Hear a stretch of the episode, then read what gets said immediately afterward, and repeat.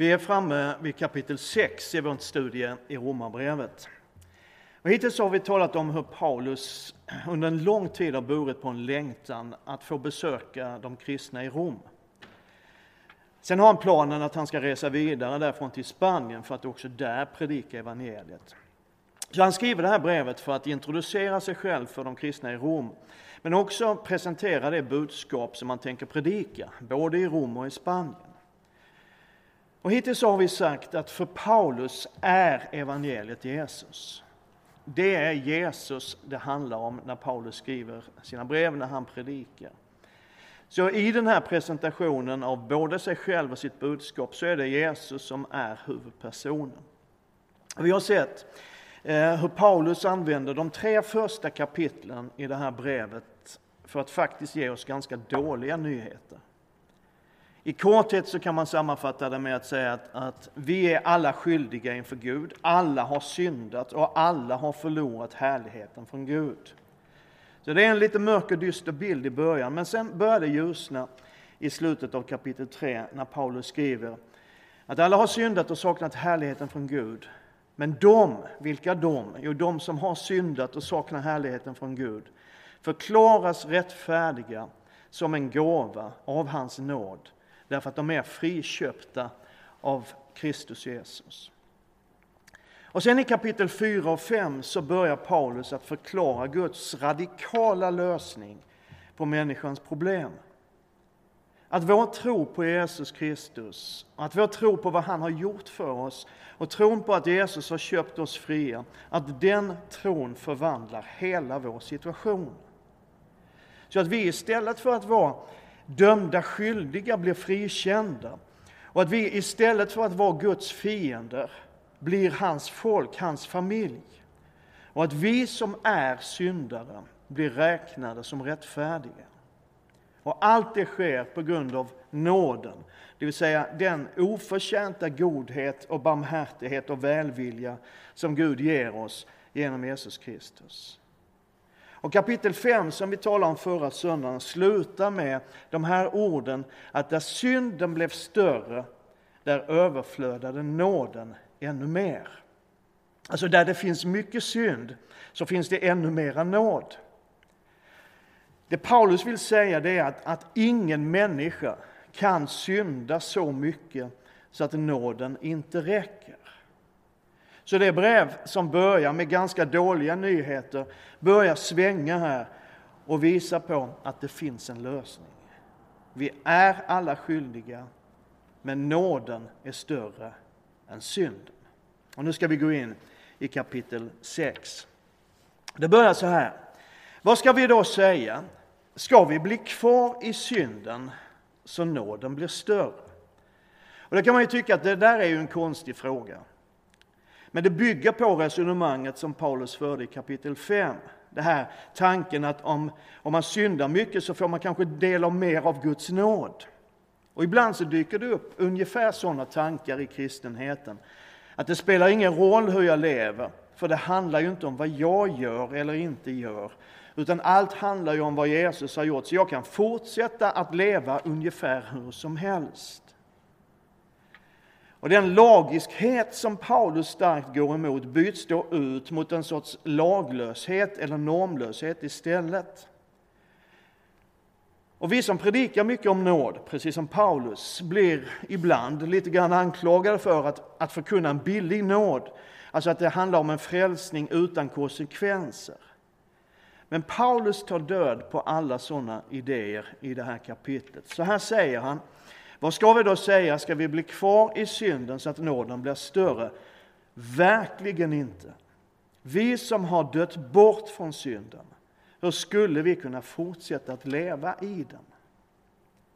Vad menas med det, att vi har dött bort från synden? Jo, Paulus pekar på dopet och så säger han att vet ni inte att alla vi som är döpta till Kristus Jesus är döpta till hans död? Vi är begravda med honom genom dopet till döden för att leva det nya livet, liksom Kristus är uppväckt från de döda genom Faderns härlighet. För om vi är förenade med honom i en död som hans, ska vi också vara det i en uppståndelse som hans. Dopet är både död och liv. Det är både begravning och uppståndelse. Det gamla sättet att leva dör och begravs i dopet. Och den som blir döpt uppstår till det nya livet i Jesus Kristus. Nya testamentets författare använder flera olika bilder från Gamla testamentet för att beskriva vad som händer i dopet. Det talas om reningsceremonierna inför tempelgudstjänsten där prästerna som skulle göra tjänst i templet fick genomgå en sorts rituell tvångning. Man tvättade sig i stora kar utanför tempelområdet. Och Paulus skriver i Första Korintierbrevets sjätte kapitel att vi har också tvättats rena. Och då syftar han på syndernas förlåtelse och dopet. Petrus skriver i sina brev om Noas ark, där vattnet var både det som utplånade det gamla och räddade det nya och bar det nya framåt. Och också det judiska folkets uttåg ur Egypten används som ett exempel. När Israel skulle lämna Egypten och slaveriet så gick de fram till kanten av Röda havet. Och då delade sig vattnet, folket gick genom vattenmassorna upp på stranden på andra sidan. Och där började deras nya liv, deras nya verklighet. Och vattnet i Röda havet välde tillbaka och stängde effektivt vägen tillbaka till det gamla. Vi är begravda med Jesus, läste vi i den fjärde versen här i Romarbrevet 6. Begravda med Jesus för att leva det nya livet. Så fortsätter Paulus i vers 6 och 7 och säger att vi vet att vår gamla människa har blivit korsfäst med Kristus. För att syndens kropp ska berövas sin makt, så att vi inte längre är slavar under synden. Den som är död är förklarad fri från synden. Och du vet, när, du dog, när Jesus dog på korset, då fanns du din synd, din skuld, dina misslyckanden, din ångest, din förtvivlan. Allt vad du är och allt vad du har i honom. När Jesus stod på korset så var du i honom. Petrus skriver och citerar från Jesaja 53 att han bar sina synder, han bar våra synder i sin kropp upp på korsets trä för att vi skulle dö bort från synderna och leva för rättfärdigheten. Och genom hans sår är ni helade. Det betyder att din synd och ditt förflutna, dina misslyckanden, ditt mörker och din ångest dog med Jesus på korset. Och vet att när Jesus på tredje dagen blir uppväckt från de döda genom Faderns härlighet, när han reser sig upp och vandrar ut ur graven, så är du fortfarande i honom. Det nya livet, din nya start och möjligheten att leva i gemenskap med Gud börjar när Jesus kliver ur sin grav. Men ditt gamla liv, din synd och din skuld, den lämnade han kvar i graven. Och Paulus skriver, Bibeln säger att dopet handlar om just det här. Det är inte dopet som gör det. Det är vad Jesus har gjort att han har dött och uppstått som gör det nya livet möjligt. Och läser man Romarbrevet i sin helhet så märker man att Paulus är väldigt, väldigt tydlig med att det är vad Jesus har gjort som gör frälsningen och det nya livet möjligt för oss. Och att det är tron på vad Jesus har gjort som gör det tillgängligt för oss. Men dopet är tecknet på att vi i tro tar emot vad Jesus har gjort. Teologen och pastorn John Piper uttrycker det så här. Tron är det medel genom vilket vi förenas med Kristus och blir rättfärdiga. Men vi visar denna tro och proklamerar denna tro, uttrycker denna tro och gestaltar denna tro genom dopet. Tron förenar oss med Kristus och dopet gestaltar denna förening. Tron på Jesus, uttryckt och bekräftad i dopet, för oss från det gamla och in i det nya. Och jag skulle vilja koppla ihop detta med den bibelvers som vi läste när jag hälsade er välkommen för en stund sedan. Ifrån Hebreerbrevets trettonde kapitel och den åttonde versen, där vi läser att Jesus Kristus är densamme igår och idag och i evighet. Om man kopplar ihop den versen med det jag har sagt idag så framträder ett alldeles makalöst underbart mönster. Det fanns ett då, Jesus Kristus är densamme igår. Och det finns ett nu, Jesus är densamme idag. Och det finns en framtid, det finns ett sedan, Jesus är densamme i evighet. I de tre första kapitlen i Romarbrevet så har Paulus visat hur det var då, igår.